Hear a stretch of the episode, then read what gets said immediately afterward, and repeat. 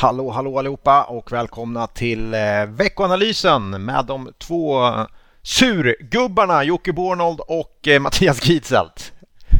Prata för dig själv. ja. det, vi pratade precis innan om att man, man, lätt kan bli surgubbe, men vi kom fram till att vi inte är det egentligen. Nej, precis. Vi kom gemensamt fram att nej, vi är, vi är realistiska, men vi är inga surgubbar. Uh, nej, kanske det är många som tyckte jag var lite surgubbe sista veckan här faktiskt. För jag har flaggat lite på olika håll och kanter om att börsen kan skaka till lite. Men ibland måste man få vara lite surgubbe, eller?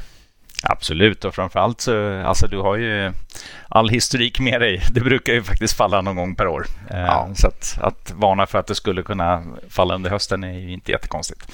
Men, det är inte en äh, jättetung analys bakom helt enkelt. Nej, nej, men med det sagt, alltså, vi har ju fortfarande en, en positiv marknadssyn så jag förstår ju att, eh, att vissa reagerar på det. Men vi ja. har hela tiden också sagt alltså att vi, det kan ju innebära en större rekyl ändå. Sen kan man ju vara underliggande positiv.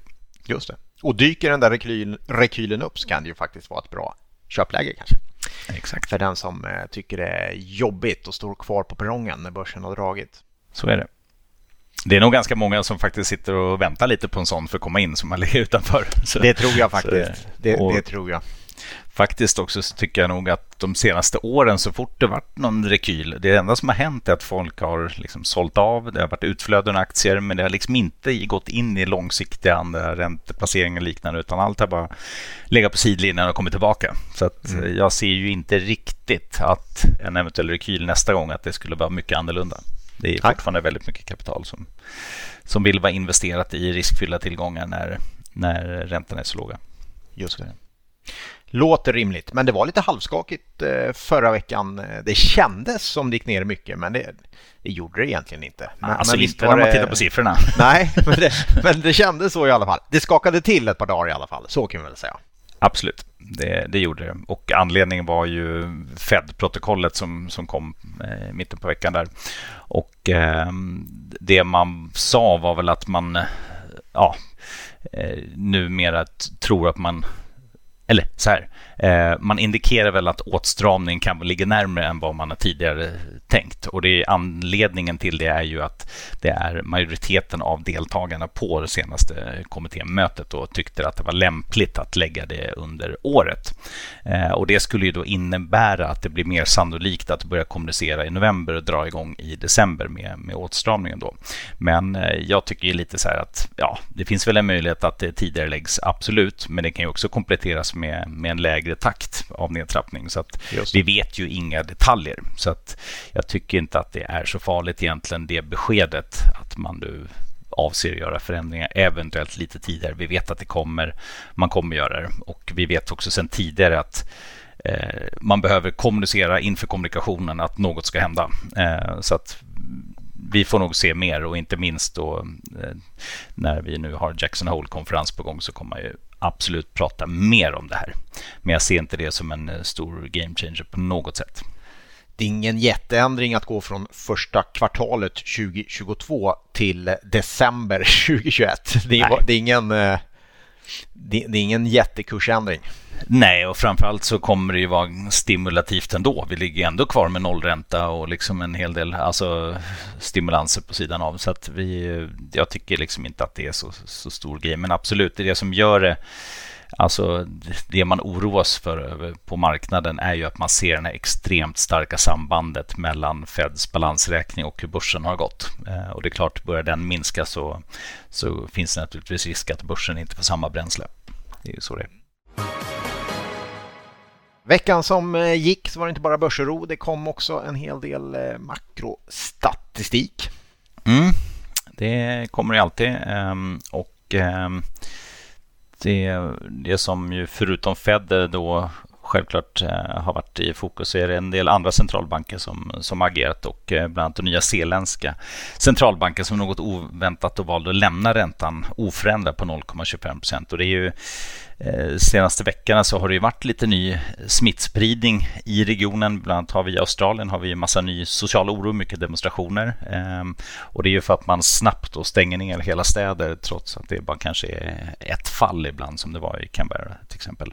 Ehm, och eh, det gör ju också att faktiskt centralbanken då blir lite mer försiktig och hänvisar då till ökad osäkerhet kring virusspridningen.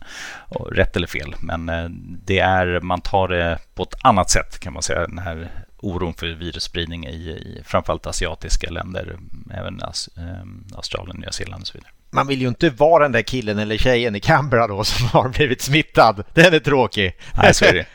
ja, så är det ju. Ber om ursäkt, men vi stänger ner hela stan. Ja, dålig stämning. Man undrar ju vem som smittade personen. ja, det är mycket bra fråga. Mycket bra fråga. Ja, nej, men i övrigt så, ja, förutom lite centralbanksbesked då, så, så um, Eh, Eh, kom det ju detaljhandel i USA, vilket är ju intressant och den var ju faktiskt lite svagare då än förväntat. I juli föll den med 1,1 procent mot väntade minus 0,3 då. Och eh, det ser väl ut som att det kanske mattas av lite helt enkelt på detaljhandel, konsumentförtroende och så vidare som har kommit tidigare. Och eh, det är väl ett skäl är ju inflationen som har tilltagit och så. Så att vi, vi kanske får in lite, lite sämre siffror. Det som dock var positivt var att det kom industriproduktions siffror och de visade faktiskt en starkare återhämtning än väntat. Så kanske kan vi få stöd istället från, från industrin istället för, för detaljhandeln. Men lite mer avvaktande från konsumenterna i alla fall. Mm. Ja, vi får se vad som händer med, med återhämtningen. Det var ju det klassiska tävlings eller raceloppet 24 Le Mans 24 timmars eh, faktiskt i helgen och eh, det kanske inte var så många som var uppe och tittade på det dygnet runt. Men jag konstaterar att det var inte så många på plats i, i Frankrike. Det är ett av världens största publikevent. Eh, 300 000 personer eh, normalt. Men i år så var man ju inte i närheten av det. Och eh, kan konstatera att var man än kikar på eh, om det är sportevenemang eller vad det än är så är det ju fortfarande kraftigt begränsat eh, runt om i världen. Eh, det känns som att eh, det finns ganska mycket kvar innan vi är tillbaka till, till, till där vi startade så att säga. Mm. Ja, verkligen. Ja, det kommer dröja. Mm. Tyvärr. Eh, ha, veckan som gick så hade vi en, en rapportsäsong som eh, ramlade in med lite småbolag. Eh, Mekonomen kom med en riktigt bra rapport faktiskt. Kul att se. Eh, återhämtat sig efter eh, dataintrång och allt vad man har brottats med. Och eh, Björn Borg och lite andra småbolag kom in eh, helt okej okay också faktiskt. Men den här veckan då har vi eh, Jackson Hole-konferensen. Fast den är digital tror jag. Man ställde in den va? Jag tror det. Mm. Hade du åkt annars? Nej, Nej. hade jag inte gjort. Nej. Men, äh, ja, men den blir lite intressant som sagt att se om man kan få lite mer äh, ja, tydligare vinkling på det man äh, sa i senaste protokollet här nu. Då. Men äh, jag tror inte det kommer någonting äh, ja, extremt därifrån utan det som sagt det kommer vara en, en stimulativ penningpolitik framöver men med successiv nedtrappning av de här stimulanserna. Så att, ja, det, jag tror inte det blir någon, någon jätteförändring av det. Eh, I övrigt, vad har vi då? Eh, vi pratade i förra veckan lite Kina Eh, mm. har för mig, om svaga siffror under sommaren.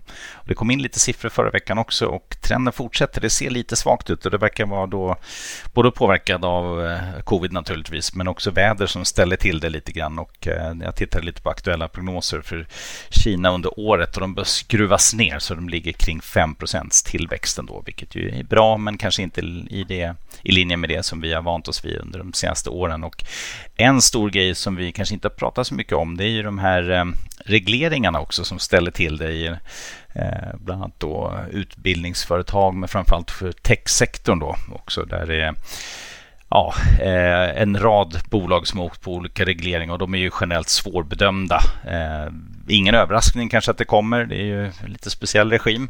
Men eh, det är onekligen så att man börjar begränsa sådana, som, eh, såna bolag som kanske har varit väldigt lönsamma och som har eh, påverkat en väldigt stor del av befolkningen med vad gäller sociala medier och allting och så vidare. Så att eh, det som har hänt under sommaren är ju faktiskt att eh, kinesiska techbolag har ju rasat ja, men, dryga 40 procent, många av dem. Och, eh, eh tittar man nu hur det ser ut efter det fallet så är ju faktiskt om man tittar på eh, breda index, alltså MSCI Kina, så, ehm, så är vi nere på ett p-tal på kring 13. Och då låg vi alltså i våras på runt 20. Så det är ner dryga 30 procent från toppen. Eh, och eh, om man tittar på techsektorn i Kina så är den nu minst 20-30% lägre värderade än till exempel amerikanska motsvarigheter. Och då är det alltså de här kinesiska jättarna eh, som ligger i många stora eh, fonder som investerar mot den regionen och så vidare. Så det har verkligen eh, dämpat humöret eh, där. Och det, det är någonting kanske man inte, man inte ser när man investerar här, men 40% ner är en ganska ordentligt. Det är det du skulle ha pratat om i media. Att ja, det är där det rasar, inte så. Absolut, absolut. Eh, nej, men det är ju det där med äganderätten. Den är mm. ju väldigt svag och det där eh, måste man förstås ha med sig om man vill investera i Kina. Att den, den är inte som västvärlden eller framförallt kanske den angloamerikanska världen där eh, man ofta pratar, eller ofta det är ju så, rule by law och free enterprise. Det är liksom två av grundhörnstenarna i, i demokratin. Eh, och de hörnstenarna saknas ju eh, minst sagt i Kina. Eh, och ja, eh, äganderätt pratar man väl om på svenska kanske. Men den, den, eh, den visar sig ju ganska tydligt faktiskt att den är svag och den är rejält svag. Jag såg idag att det kom 40, närmare 40 bolag som har fått eh, halt på sin ansökan om att börsnoteras också i, i, eh, i Kina. Så att eh, ja, helt klart lite stökigare där och en premie känns väl, eh, eller en rabatt känns väl eh, rimligt på, på kinesiska absolut. bolag på grund av det. Ja, det gör det absolut. Är det någon makrostatistik den här veckan som du är eh, extra exalterad över? Ja, alltså förutom Jackson Hole så finns det ju faktiskt lite siffror att titta på också. Eh, om man inte bara vill lyssna på lullull från, mm. Eh, från Fed. Eh, men, på fluff. Exakt. Eh, nej, men preliminära inköpschefsindex från en rad länder kommer. Vi har lite bostadsmarknadsstatistik, försäljningsutvecklingen i USA bland annat. Och, eh, där brukar det också visa prisutveckling, vilket är rätt intressant. Alltså, amerikanska bostadsmarknaden har ju precis som i Sverige gått som tåget under hela covid-perioden. Och bara under det senaste året så är amerikanska bostäder upp 23,4 procent enligt förra månadens statistik i pris. Så att, eh, det går bra där. Och, mm. eh, det får vi se också försäljningsutveckling för nya hem, inte bara för befintliga bostäder. Och där väntas det ha skett en liten inbromsning. Och anledningen är ju faktiskt dels de höga priserna och dels att det är brist på byggnadsmaterial. Så det har faktiskt också börjat påverka försäljningen lite negativt. Då. Eh, I övrigt, IFO-index som ju sammanställning av tyskt affärsklimat kommer, eh, väntas eh, plana ut lite grann. Och eh, ja, sen kommer i slutet på veckan en del amerikansk statistik, privata inkomster, eh, definitivt utfall av Michigan-index som är en konsumentförtroendemätning bland annat. Så lite kommer det ändå. Mm. Bra, på eh, bolagsfronten så är det ganska ganska lugnt får man nog säga. Det, det, det kommer fortfarande lite små eh, rapporter förstås, men nej, inga kioskvältare. Det, det tror jag inte. Så tämligen lugnt där får vi nog säga. Mm. Har vi någonting annat som eh, vi ska ta med? Du har 1.30 på dig om du vill eh, fördjupa dig i något. det, har, det har du också. Eh, nej, men jag, jag tänkte, alltså jag, jag som är tysk då, mm. eller född i Tyskland åtminstone. Och, eh, jag började intressera mig för tyska valet faktiskt. Det är bara ja, nästan exakt en månad kvar, 26 september. Och det som är lite intressant, eh, framförallt ekonomiskt perspektiv, är att det är en väldig mängd eh, potentiella utfall i det här. Mer än vad det brukar vara. Det gör ju också att det blir lite extra osäkerhet kring eh, finanspolitisk riktning och så vidare. Och tittar man liksom sista halvåret så har det ju svängt ordentligt i de här opinionsundersökningarna. Eh, I våras så hade ju då CDU, CSU hade ju runt 35 procent. Nu har de 24.